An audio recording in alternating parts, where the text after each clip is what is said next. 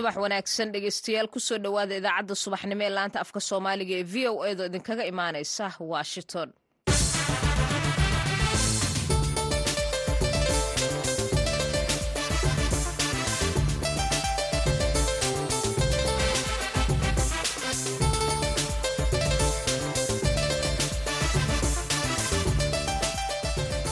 waa subaxnimo axad ah oo bisha maars ay tahay labaiyo toban sanadka labada kun iyo saddex iyo labaatanka. Waxaad naga dhagaysanaysaan mawjadaha lix iyo tobanka iyo sagaal iyo tobanka mitrban iyo boggeena internetka ee v o a somaali com.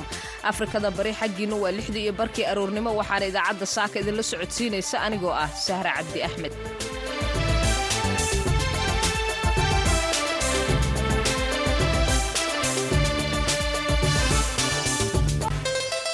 qodobada aad ku maqli doontaan idaacaddeenna saaka iyo caalamka. Waxaa ka mida madaxda dowlad deegaanka soomaalida oo ka hadlay sidii wax looga qaban lahaa sicir bararka gobolkaasi saamaynta xoogan ku yeeshay nolosha dadka.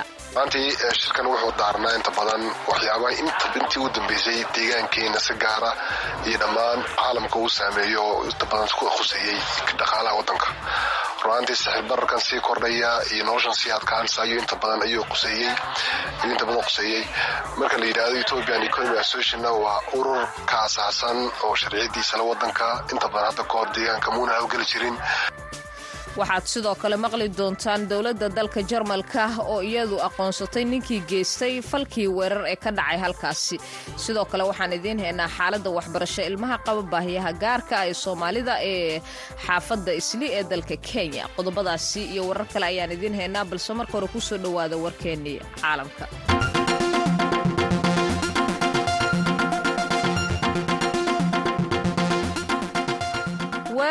bambaano ah ayaa sabtidii shalayta ahayd. Waxaa lagu weeraray xarun ay leeyihiin dadka shiicada oo ku taalla gobolka bakhal ee waqooyiga dalka afghanistan.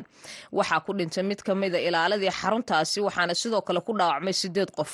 Ay afhayeen u hadlay booliiska deegaanka lana yiraahdo maxamed aasif wasiiri ayaa waxa uu v o eda u sheegay in qaraxaasi lala beegsada xaflad lagu maamuusayey warbaahinta afghanistan oo ka dhacday xarunta gobolka masiiri iyo shariif.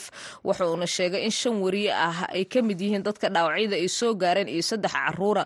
Sidoo kaleeto waxaa qayb ka galay ama qayb ka ahaa xafladaasi mas'uuliyiin ka tirsan maamulka gobolka iyo culimaa udiinka cabdulnaafi tokoor oo ah afhayeen wasaaradda arrimaha gudaha ee taalibaan ay hogaamiso ee ku sugan caasimada afghanistan ee kaabul ayaa sheegay in walxaha qarxa ay ka dambeeyeen qaraxa. Waxaa la maqlay jug weyn oo culus kadibna waxaa dhacay foodo iyadoo qof walbaba uu isku dayay in uu helo waddo uu ka baxo ayuu yiri wariye afghanistan ah oo lagu magacaabo atif iranian oo ku sugnaa goobtaasi dhaawacna uu ka soo gaaray asagu sida uu u sheegay wakaalada wararkae france press oo uu la hadlay suxufigaasi saddex qof oo rayid ah ayaa duqeynta ruushka ee kherson ee koonfurta ukraine sabtidii ku dhaawacantay waxaana jira in mid kale uu ku dhintay gobolka donistek sida ay sheegeen saraakiisha booliiska ee ukraine. Gudoomiyaha gobolka alexander ayaa waxa uu u sheegay warbaahinta in saddexda qof ay ku jirtay haweeney da'a sidoo kaleetana ay ku dhaawacmeen madaafiic lagu garaacay magaalada. Maanta gumaystaha ruushka waxaa mar kale ay ku dhufteen kherson gantaal waddada islamarkaasina u xaaraya in dad badani ay ku dhaawacmeen oo ay waxyeella ka soo gaartay kuwo kalena ay ku dhaawacmeen ayuu yiri asagoo markaasi la hadlayay warbaahinta. Warkii dunidana dhegeystayaal waa naga intaas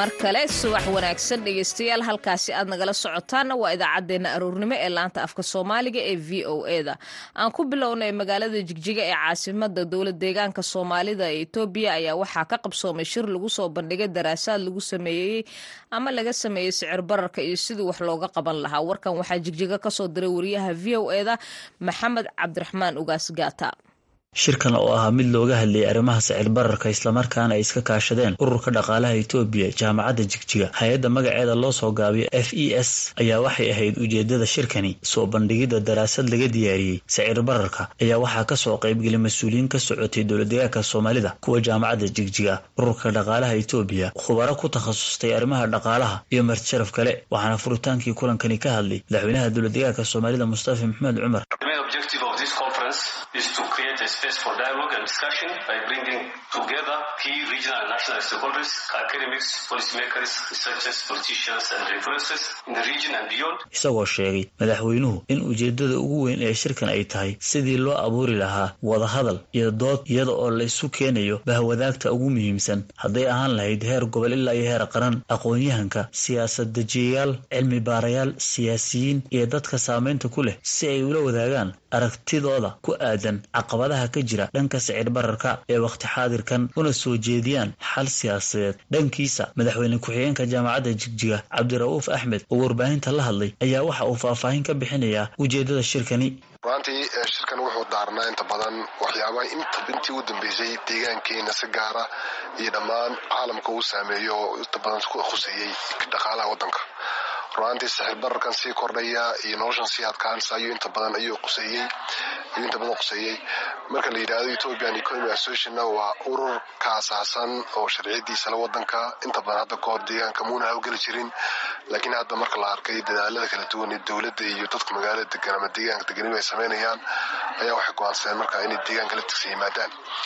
Ruaantii shirkan dad kala duwan oo caalamka yimid baa ka soo qayb galay sidoo kale cabdira'uuf axmed waa madaxweyne ku-xigeenka jaamacadda jigjige ayaa sheegay in shirkan uu ahaa kii koowaad ee lagu qabtay magaalada jigjiga waxa uuna sheegay inay jiraan daraasaadyo kala duwan oo ka hadlaya dhibaatooyinka sicir bararka iyo xalkooda kuwaasoo haatan ay gacanta ku hayaan macalimiin u dhashay deegaanka oo ka howlgala jaamacadda jigjiga waxa uuna mas'uulku sheegay marka ay dhammeeyaan daraasaadiyadaasi in la samayn doono kulan lagu soo bandhigi doono shirkan waa shirkii ugu horreeya laga qabto deegaanka. Ruaantii daraasaadyo kala duwan oo gacanta hadda lagu hayaabaa jirta oo macalimiin jaamacadda ji ka shaqaysa oo inta badan sida ugu kala yimaadeen xabsida dowladda deegaanka. Waxaa kaloo taa dheer dowladda laftigeeda iyada laftigeeda dad badan bu xil saartay inay hawshan hayaan. Kuliyadda maarintii adeega shacabkuna hawl noocan oo kale gacanta ku haysaa taana hadduu ilaha yidhahdo waxaynu waxaa samayn doonaa madal ama shir noocan oo kaleo markaa daraasaadka imka iyagoon gacanta ku hayaan la soo bandhigi doono. Daraasaadkaasi haddaba shirkan ayaa ah midkii koowaad ee ururka dhaqaalaha etoobiya islamarkaana ka qabsoomay caasimada dowladdegaanka soomaalida ee magaalada jigjiga ayaa waxaa lagu lafaguray intii uu socday tubaha iyo xeeladaha ugu muhiimsan ee xal waara loogu heli karo caqabadaha ka jira dhanka sicir bararka iyo kor u qaadidda dhaqaalaha dalka iyo deegaanka. Maxamed abdiraxmaan gaata v o a magaalada jigjiga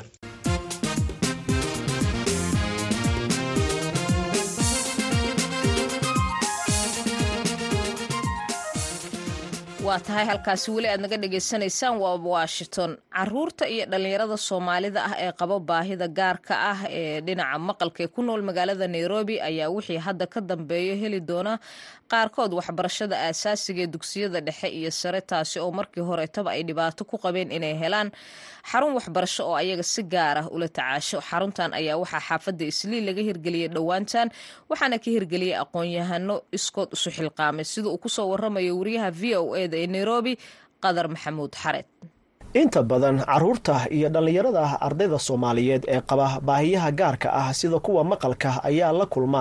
Takoor oga yimaada xarumaha waxbarashada ee soomaalida ee kenya.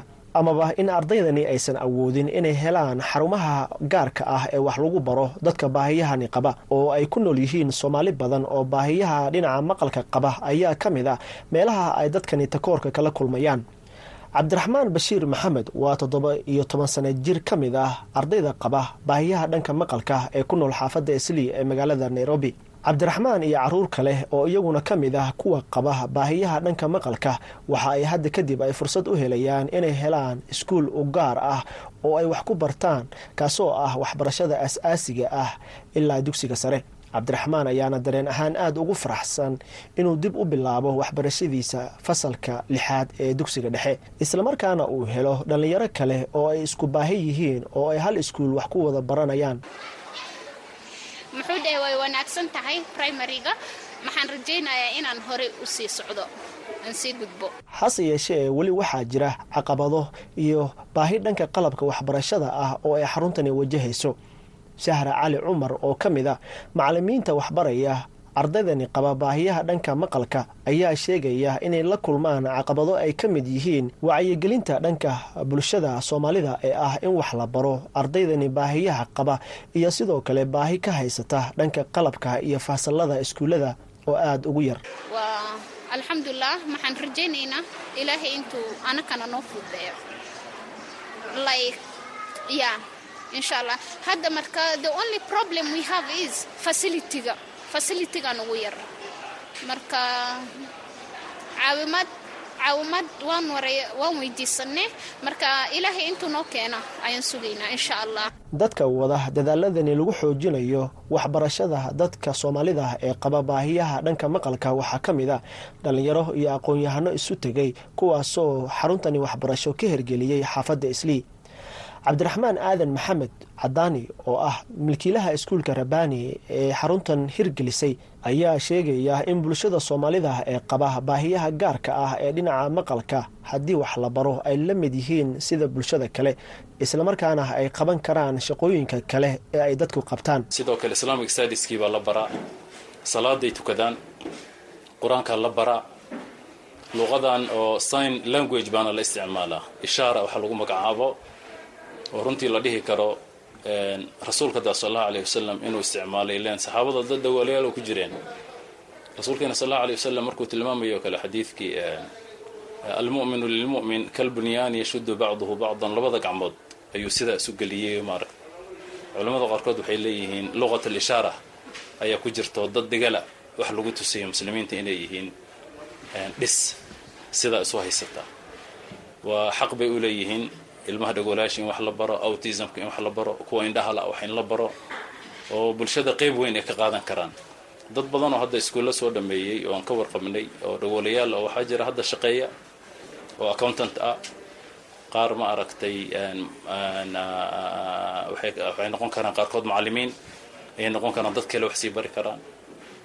Qaarkood i t-ga ayay ku shaqeeyaan iyo information technology-ga markaan aragnay in bulshadii ay yarahee gacan bidxaysay ayaan anagu rabani group of schools ahaan aan isku dayna inaan qayb ku darnoon ma aragtay ardayda garab istaag. Bulshada soomaalida ee qaba baahiyaha noocan oo kale ah ayaa la sheegayaa inay aada uga dambeeyaan dhanka horumarka marka loo barbardhigo bulshooyinka kale ee iyaga la midka ah ee ku nool dalka kenya.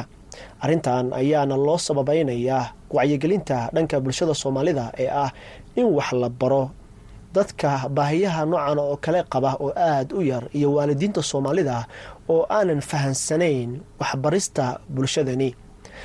Khadar maxamuud xareed v o a nairobi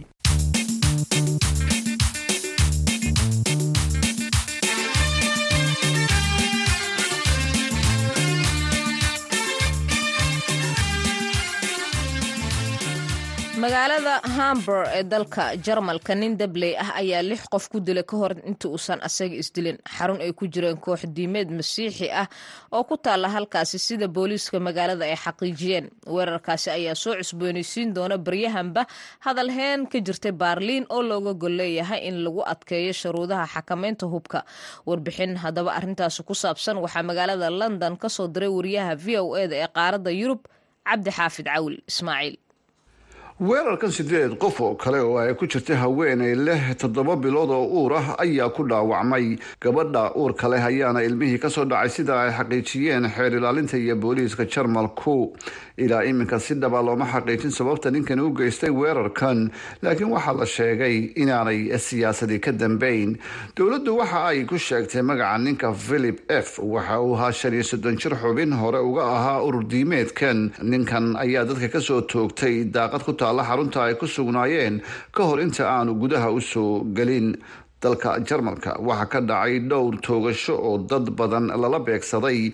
Dhowaana koox si xoogan u hubaysan ayaa isku dayday inay dowladda afkambido kadib toogashadii ugu dambeysay dowladdu waxay soo saartay xeerar si adag loogu xakamaynayo yeelashada qoryaha waxaana mar dambe ay dowladdu soo jeedisay in la sii adkeyn doono xeerarkaasi.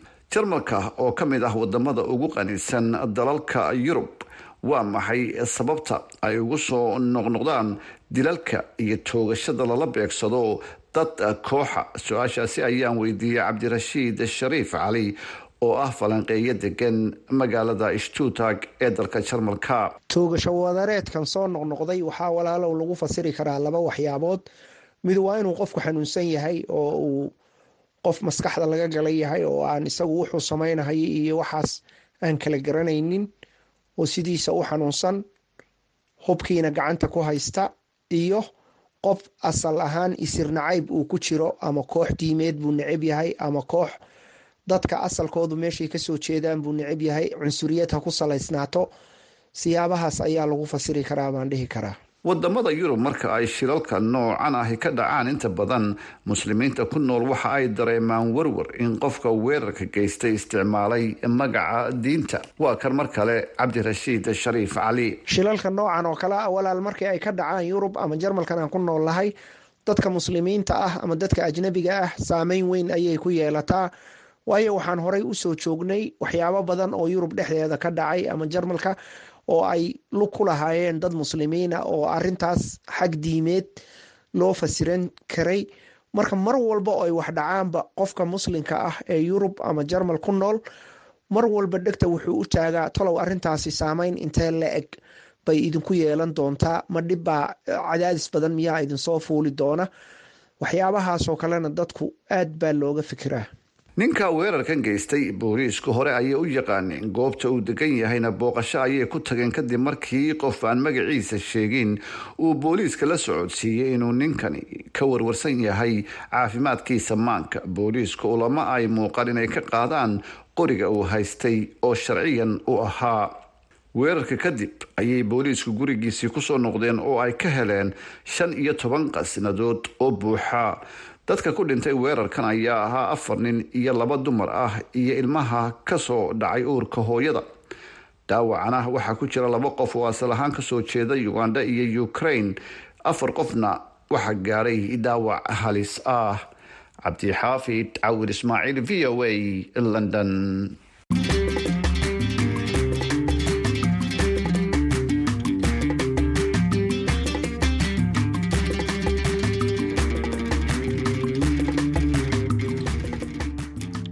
markan ruushka. Kadib markii ruushka uu dagaal ku qaaday dalka ukrein isagoo adeegsanaya dalalka dariska ay yihiin oo xulufo lah ayaa dalka belarus waxaa ka dhashay jabhad adeegsanaysa ay adeegsadaan aanrahda ciidamada ruushka ee halkaasi ka dagaalamaya dowladda belarus oo iyadoo xulufo la ah ruushka ayaa wacad ku martay inay ciqaab daran u geysan doonto xubnaha jabhadaasi kuwaasi oo beegsanaya qadadka tareenada. Islamarkaasina isticmaali jireen ciidamada ruushka si ay markaasi u gaaraan warbixintan oo ay qortay wakaalada wararka associated price waxaa soo jeedinaya jamaal axmed cusmaan. Burburkii ugu dambeeyey ay ku soo jiidanayaan ciwaanada caalamka waxa ay ku weerareen deerad dagaal uu ruushku leeyahay oo taagneyd meel ka baxsan caasimadda belarus. Belarusiyiintu ma ogolaan doonaan in ruushku uu si xoro u isticmaalo dhulkeenna dagaal isagoo kula jira ukrein waxaanu doonaynaa inaan ku khasabno inay isaga baxaan ayuu yidhi anton oo ka tirsanaa ciidamadii belarus hase yeeshee hadda howlgab ah kaasuu ku biiray kooxda jabhadda ah waxaana uu la hadlay wakaalada wararka associated press. Ruushku waa inay fahmaan dhinacay belarusiyiintu dhab ahaantii ka dagaalamayaan ayuu yidhi isagoo oo codsaday inaan magaciisa dambe la isticmaalin sababo ammaan darteed. In ka badan hal sano kadib markii ruushku u adeegsaday dhulka dalka ay dariska yihiin iyo xulufadiisa inuu kaga duulay ukrein belarus waxa ay sii waday inay martigeliso ciidamada ruushka iyo sidoo kale diiradaha dagaalka gantaalada iyo hub kale mucaaradka belarusiyiintu ayaa ku dhaleeceeyey arrintaasi xukuumadda iskaashiga ay sameynayso waxaana halkaasi ka as-aasmay jabhad si ay u carqaladeeyaan howlaha kremlinka kuwaas oo ka socday dhinaca online-ka iyo dhulkuba. Dhanka kale dowladda belarus ayaa isku dayeysa inay ka hortagto ay ciidamo ugu diraan dalka ukrein askariga ah hadda waxa uu ka tirsan yahay urur lagu magacaabo ururka ciidamada ammaanka ee belarus ee loo soo gaabiyo b y b o l waana koox jabhada oo la aasaasay intii ay socotay mudaharaadyo siyaasadeed oo ballaaran oo ka dhacay belarus sannadkii jabhadda waxaa ku jira xubno hore oo ciidamada milatariga ka tirsanaa intii lagu jiray sannadkii ugu horreeyey ee dagaalka madaxweynaha belarus alexander lukashenko waxa uu xaqiiqsaday in kuluglahaanshihiisa iskahorimaadkaasi ay sababi karayso wax badan oo khatar ku ah gudaha dalka belarus ayuu yidhi anton matolka oo ah iskuduwaha kooxda kormeerka milatariga ee belarus. Bishii hore b y p o l ayaa sheegatay mas'uuliyadda weerar diyaaradeed kuwa aan duuliyaha la socon oo lagu qaaday. Diyaarad dagaal uu ruushku leeyahay taasoo fadhiday meel ku dhow caasimada belarus. Kooxda ayaa sheegtay inay u adeegsadeen weeraradaasi laba diyaaradood oo kuwaan duuliyaha la socon droniska loo yaqaan kuwaasoo beegsaday diyaaradda beryev e oo taalay saldhigga hawada ee muhlishi ee u dhow magaalada minsk maamulka belarus ayaa sheegay inay ka codsadeen diyaaradaha digniinaha bixiya inay la socdaan dhaqdhaqaaqa xuduudda. Warbixintii ee qortay wakaalada wararka ee associated price oo uu soo jeedinayay jamaal axmed cusmaan ayay taasi ahayd.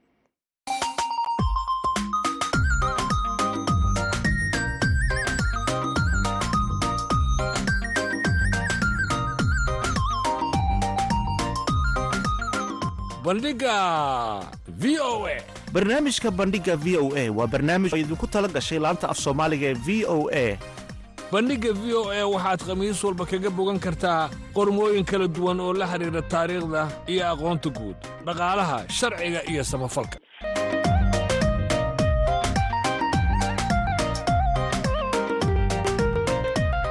Haddii aad rabto inaad wax ka ogaato taariikhda dunida iyo aqoonta guud ha moogaan bandhigga v o a bandhiga v o e kala soco laanta af soomaaliga ee v o e maalin kasta oo khamiis ah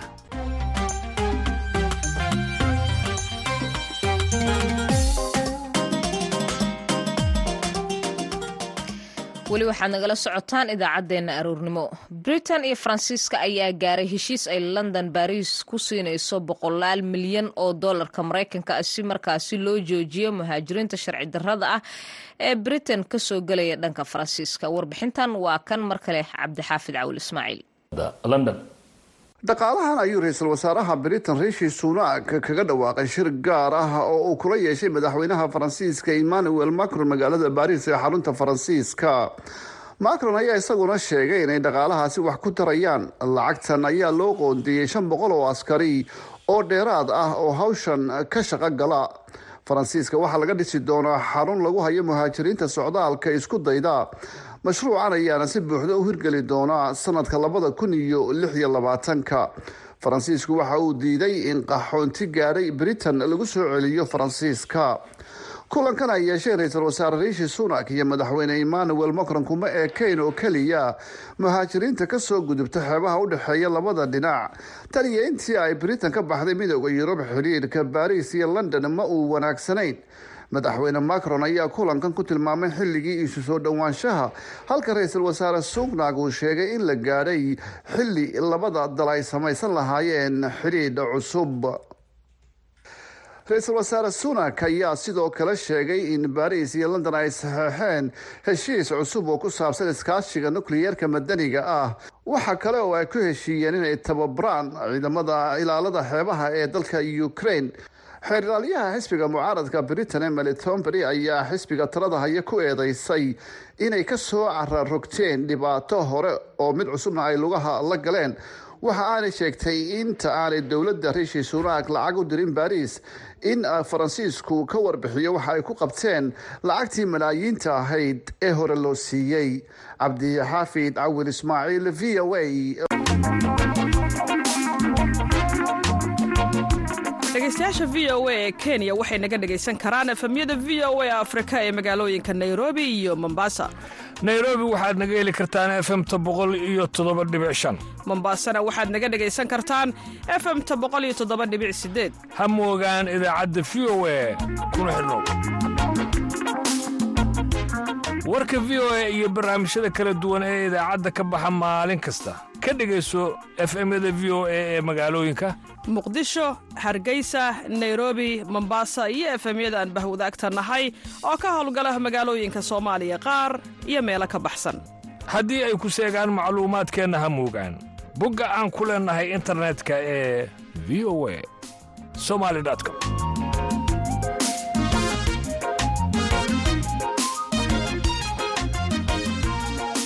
waa tahay markana ku soo dhowaada dhinacii heesaha fanaaniinta codka baxsan axmed cali cigaal iyo faaduma cabdulaahi kaahin maandeeq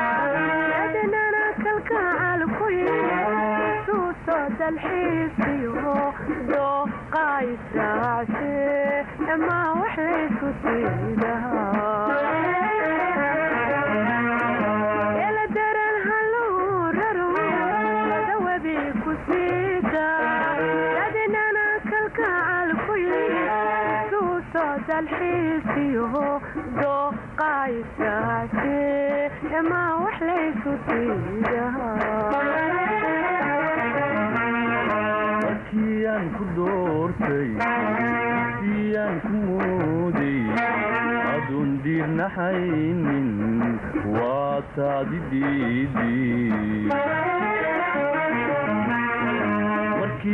ku doortay siyaan ku mooday aduun diirnaxaynin waa taadi diidi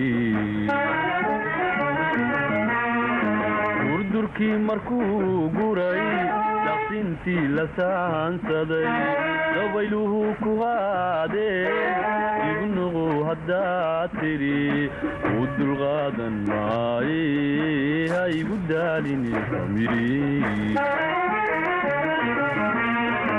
durdurkii markuu guray daqsintii la saansaday dabayluhu ku qaadeen igunuqu haddaad tidhi u dulqaadan maaye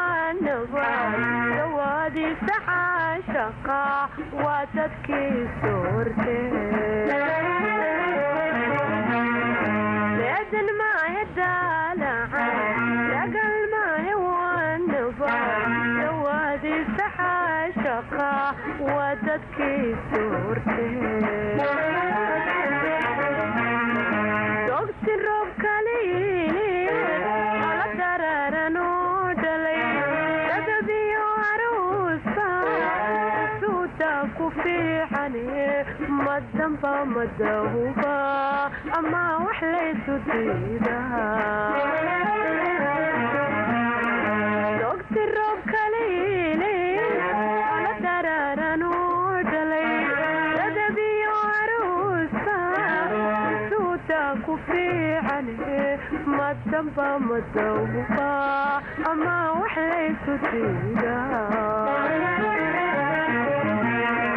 duraad dhiiranayda shalay diricsanayda maantana ku daabarto dambaa ku run sheegtiduraad dhiiranayda shalay diricsanayda maantana ku daabarto dambaa ku run sheegtidayra raynbaa u yaale welidigashadaadiyo dhow dhaafka caashaqa iibu soo xasuutee ha igu daalinayra ruuxi qaadaba raynbaa u yaale dhowdhaafka caashaqa cododkaasi baxsan ee cigaal iyo maandeeq waxa ay gebagabo u yihiin idaacaddeenii aroornimo waa sahre cabdi axmed oo idinle intaynu mar kale hawada ku kulmi doono sidaasi iyo nabadgelyo